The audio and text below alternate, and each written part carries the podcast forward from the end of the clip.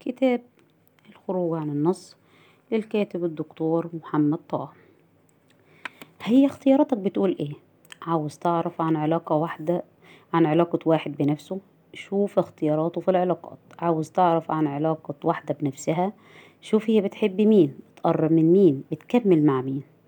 اختياراتنا خاصة اللي بنكمل فيها أو اللي بنكررها في رأيي هي أصدق دليل على على علاقتنا بنفسنا.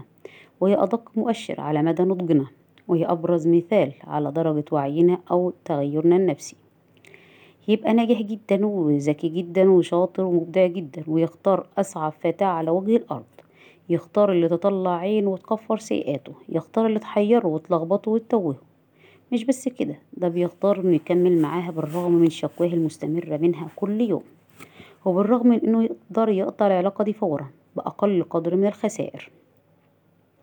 بتبقى طيبة وحنينة ولطيفة جدا وتختار من بين مية واحد أسوأهم وأصعبهم وأكترهم نرجسية. يهينها ويبهدلها ويأذيها يوريها النجوم في عز الظهر يحرمها بعد عطاء وينضبها بعد إرواء. وتختار برضه إنها تكمل معاه بالرغم من شكواها المستمرة منه كل يوم. وبالرغم برضه من إنها تقدر تقطع العلاقات دي فورا وبأقل قدر من الخسائر. والحقيقة إن لا ده بيحب نفسه ولا دي بتحب نفسها. اللي يحب نفسه ما يقبلش ليها الأذى اللي يحبها بجد يحترمها ويكف عن الإهانة عنها الإهانة والتقليل من الشأن. اللي تحب نفسها تقدرها وتكرمها وتزكيها وتعلي من شأنها. اللي تحب نفسها تعملها على إنها تستاهل وما تقبلش إن أي حد يعاملها على إنها ما تستاهلش. عارف إن في حالات وحسابات ومواقف صعبة ومستحيلة لكن أنا بتكلم عن المبدأ الأساسي والقاعدة العامة. تقعد مع ناس تسمع منهم أحلى كلام لكن اختياراتهم تقول إنهم بيكرهوا نفسهم. تشوف ناس منورين ومشرقين وبيلمعوا إنما علاقاتهم تقول إنهم بينتقموا نفسهم شر انتقام. تلاقي ناس حضرت كورسات وخلصت ورش عمل وخاضت جلسات علاج نفسي طويلة وعميقة إنما يسقط كل هذا ويعلن فشله عند أول احتكاك حقيقي مع الحياة. ومع أول اختبار واقعي في الحب والارتباط. وناس قرأوا كتب وشافوا فيديوهات وذاكروا حلقات توعية وسلاسل تعليم وبرامج تربية لكنهم ما زالوا مش عارفين يعملوا إيه في إحساس الخواء اللي جواهم ولا عارفين إزاي يبطلوا سلوكياتهم الإدمانية ولا شايفين قدام عينيهم خطوة واحدة للأمام. من الآخر عاوز تعرف علاقتك بنفسك شوف أنت اخترت إيه ومكمل في إيه. أو ما اخترتش إيه وما كملتش في إيه عاوز تكتشف نوعية وجودك الجديدة شوف اللي حواليك زي ما هما ولا تغربلوا وتنقحوا ومفضلش منهم غير الحقيقي والحقيقي فقط. شوف بتجذب ليك مين وبتبعد عنك مين ومين بطل يبقى في حيز رؤيتك من أصله. عاوز تعرف انت استفدت قد إيه من الكتاب ده؟ شوف اختياراتك بعده هتبقى زي اختياراتك قبله ولا هتتغير. شوف ميولك العلاقاتية بعده زي قبله ولا لأ. شوف تفضيلاتك في الحياة كما هي ولا اتجهت اتجاه آخر. عاوز مفاتيح تاني؟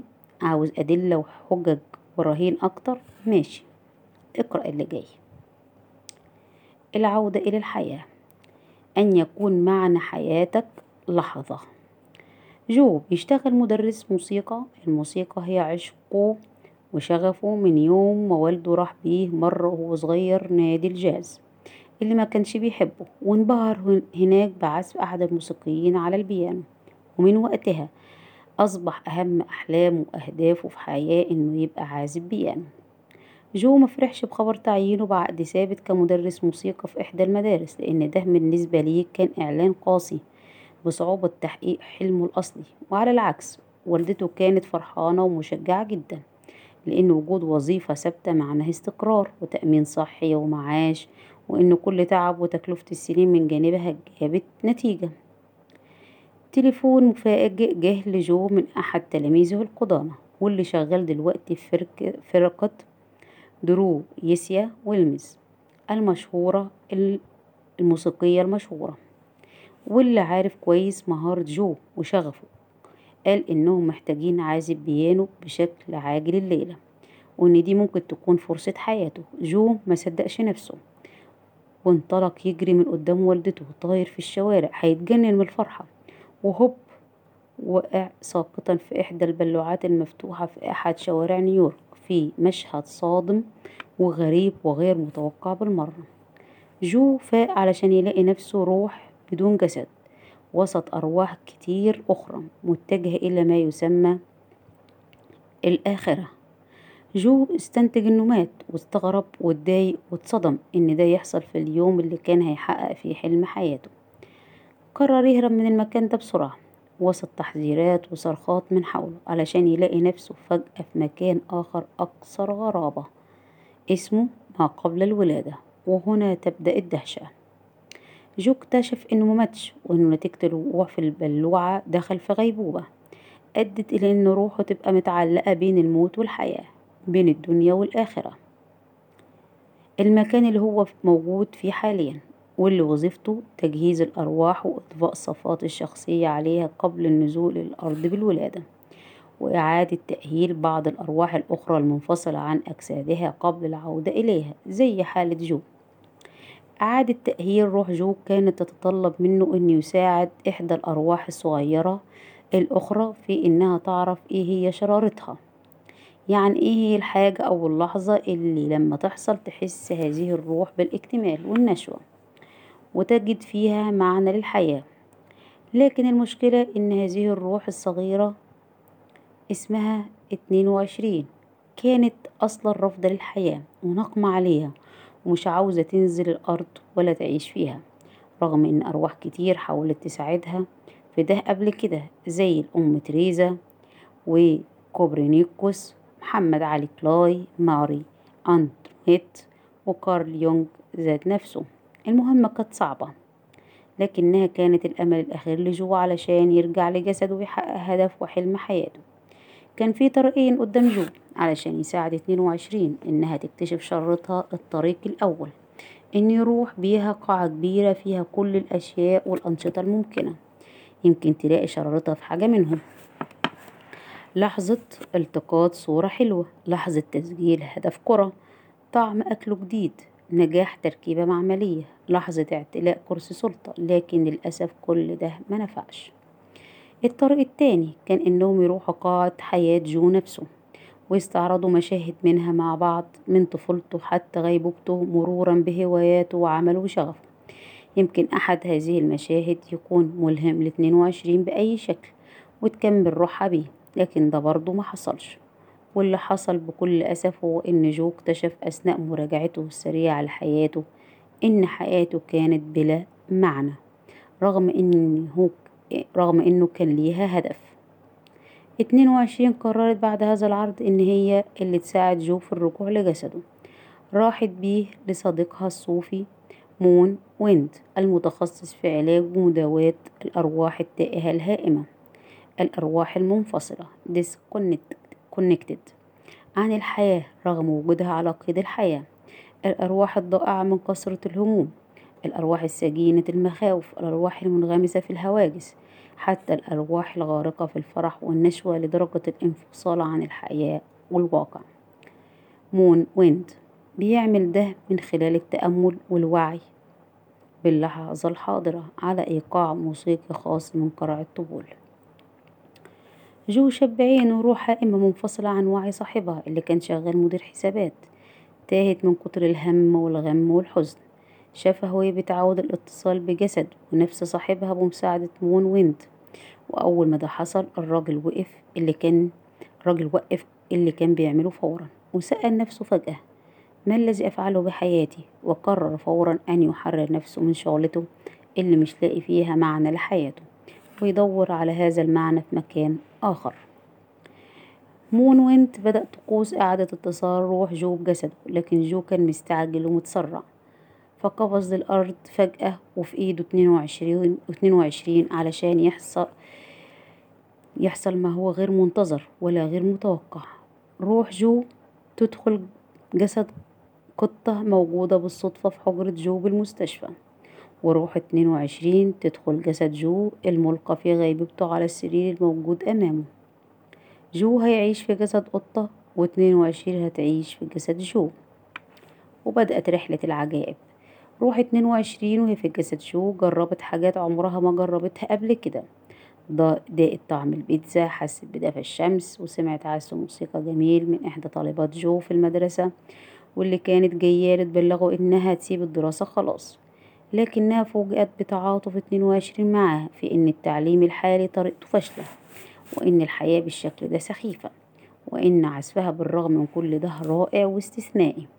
موقف اتنين وعشرين خلى البنت تقرر تكمل دراستها وتدي لنفسها فرصة جديدة. في نفس اللحظة في العالم الآخر قرر تيري أحد المسؤولين هناك إنه ينزل الأرض بنفسه لاستعادة روح جو اتنين وعشرين المفقودتين وإعادتهما لمكانهما اتنين وعشرين بدأت تشوف جوانب أخرى من الحياة الحلاق اللي مش مبسوط بشغله واللي اضطر ليه بسبب ظروفه. لكنه بيحب فيها اللحظات اللي بيخلي فيها الناس سعداء ووسيمين الراجل دايما بيحبط الناس ويقلل من إنجازاتهم لكن ده بيمنحه بعض لحظات الرضا اللي بيغطي فيها على فشله الشخصي. طعم مصاصة الأطفال الممتع. ملمس السور الحديدي البارد. عزف أحد الهواة ببراعة على أحد أرصفة المترو. حتى إحساس الهواء الخارج من فتحات التهوية.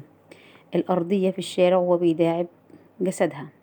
أما جو الموجود في جسد قطة فكان كل همه الترتيب لذهاب اتنين وعشرين الموجودة في جسده إلى حفلة دروسيا ويلمز بأي طريقة وبأي تمن علشان يحقق هدفه وحلم حياته بالانضمام لفرقتها كعازف بيانو. في نفس الوقت الاتنين وعشرين عمالة تجرب وتحس وتدوق. جو كان لازم يروح لوالدته علشان ياخد منها بدلة مناسبة لحضور الحفل. والدته الغاضبة الناقمة عليه وعلى رفضه لوظيفته الثابتة وحياة مستقرة. وهناك بمساعدة اتنين وعشرين اضطر جو إنه يصارح والدته بكل اللي كان شايله مانع نفسه إنه يقوله لها طول عمره. أنا مهما عملت أنت مش بترضى. أنا مهما عملت أنت مش بترضي. أنا رايح حفلة حياتي وأنت متضايقة بتخليني أكدب عليكي أنت أنت ما تعرفش صعوبة إنك تكون موسيقي زي والدك. أنا اللي كنت بتكفل بمتطلبات البيت من شغلي وتعب علشان هو يحقق أحلامه.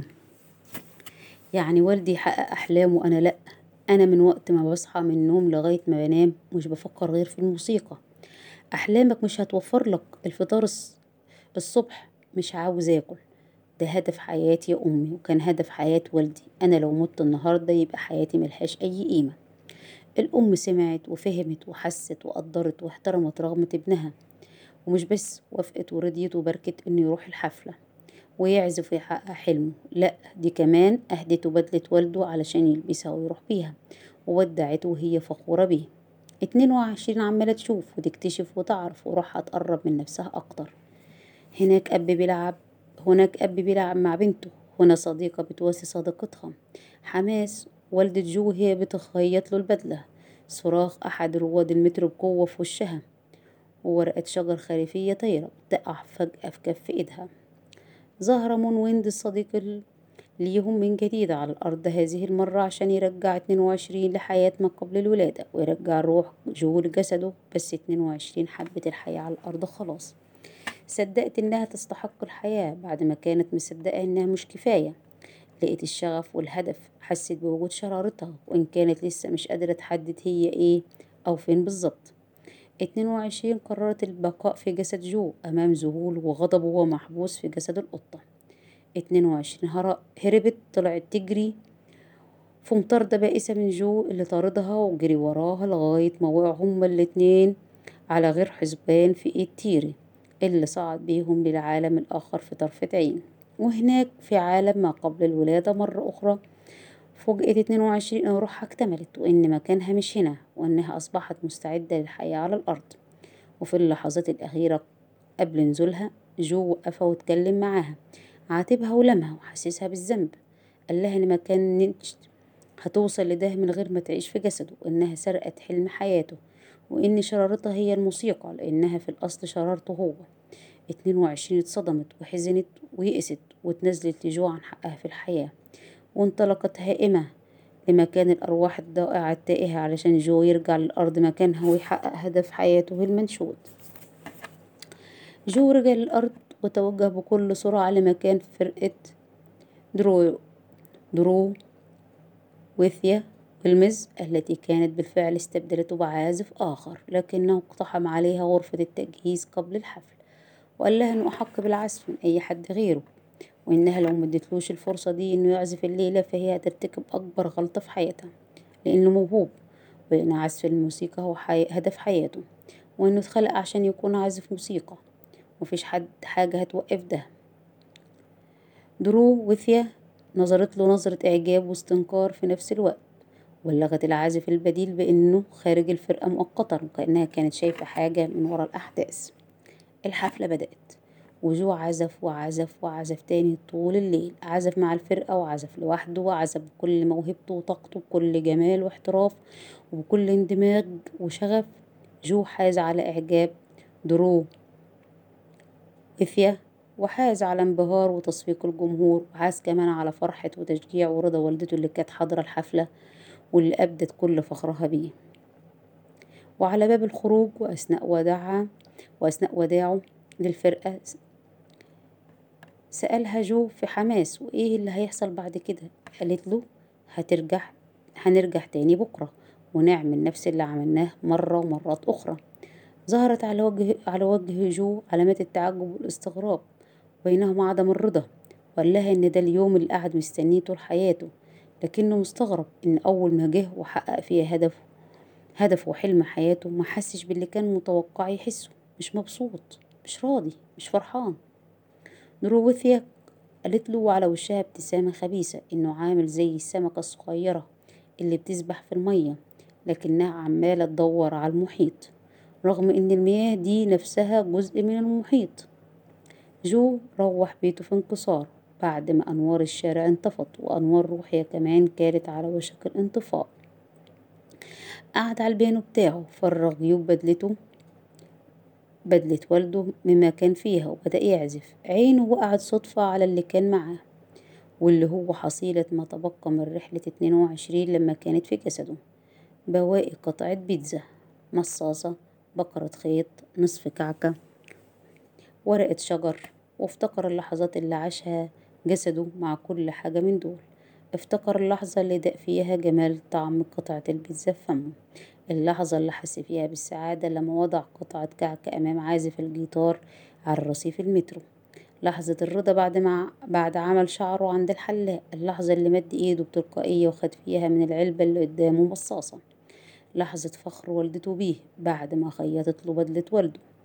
لحظة إحساسه بالنشوة وهو مسلم جسده للهوا الخارج من فتحة التهوية بالشارع ولحظة اندهاشه من روعة ومهارة عزف تلميذته اللي كانت جاية تبلغه إنها هتسيب المدرسة. ذاكرة جو بدأت تسترجع أحداث ولحظات أكتر وأقدم. لحظة نظرة عين والدته ليه بكل دفء وهي بتحميه في البانيو وهو طفل صغير. لحظة مشاركة أبوه ليه سماع مقطوعة موسيقية لما كبر شوية. لحظة استنشاق ونفس عميق وهو راكب دراجته وباصص للسما في مقتبل صباه لحظة انطلاق الألعاب النارية وسط زهوات الليل وهو شاب طعم قطعة جاتوه في فمه بعد ما كبر. كتابة أول نوتة موسيقية عزف مقطوعة بالبيانو لوالده العجوز. إحساس مياه البحر وهي بتلمس رجليه لحظة وضع رأس والدته على كتفه. جو هدئ وفهم وبكى وسكن نفس سكون الليل اللي كان مغطيه ومدفيه ومراقبه جو اتنين وعشرين وافتكر اللي عمله فيها. حزن وندم وقرر يتواصل معاه بنفس الطريقة اللي علمها له مون ويند. يغمض عينه ويركز ويتأمل على أنغام الموسيقى اللي عزفها بنفسه المرة دي. جو تواصل مع العالم الآخر عالم ما قبل الولادة. قابل مون ويند وعرف منه إن اتنين وعشرين قد أصبحت روح تائهة منفصلة عن الحياة. حاول معاه إنه يرجعها لكن يأسها وظلامها كان أقوى من ويند نفسه. كانت بتلتهم وتفترس أي شيء أمامها وبعد مطاردة طويلة قدر جو يواجهها ويكلمها ويشوف اللي جواها. جو شاف وحس وسمع كل الرسائل المؤذية اللي وصلت لاتنين وعشرين من ناس كتير جدا. الرسائل اللي غرست ورسخت فيها إنها مش كفاية. أنت دايما قراراتك خطأ. أنت متسرعة. أنت هتفشلي في حياتك. أنت أنانية. محدش هيحب يعيش معاكي. أنت دايما بتخسري. الدنيا عايزة ناس أشطر منك ما شفتش أسوأ منك عمرك ما هتلاقي شغفك. وللأسف كانت آخر هذه الرسائل رسالة جو نفسه ليها قبل ما يتخلى عنها وينزل الأرض مكانها. دي مش شرارتك دي حياة روتينية عادية. انت لقيتي شرارتك فقط لأنك عشتي في جسدي. انت بوظتي كل حاجة. انت ما عندكيش هدف للحياة مش هتلاقي شرارتك أبدا. رسائل قوية عاصفة مدمرة. ما قدرش جو يعمل قصادها أي حاجة غير إنه يفكر. اتنين وعشرين باللحظة اللي وقعت فيها ورقة الشجر داخل كفها لما كانت في جسده على الأرض. اللحظة دي بكل جمالها وهدوءها ودهشتها. اتنين وعشرين افتكرت وهديت وسكنت وبدأت حوار عميق ومؤثر مع جو. قالت له فيها إنها خايفة وإنها حاسة إنها مش كفاية. وقال لها خلاصة كل اللي شافه وحسه وفهمه بعد رحلته معاه شرارتك مش هي هدفك في الحياة. ويبدو إن الموسيقى شرارتك أنتي مش شرارتي أنا. بمجرد ما جو قال كده انفرجت أسارير اتنين وعشرين وملأ روحها النور والأمل وتحولت فورا من روح تائهة إلى روح مستعدة للحياة. جو قرر يقبل الحقيقة إن جسده في غيبوبة طويلة وإن روحه بعيدة عن جسده بالفعل وإنه لازم يرجع لاتنين وعشرين فرصة الحياة اللي أخدها منها.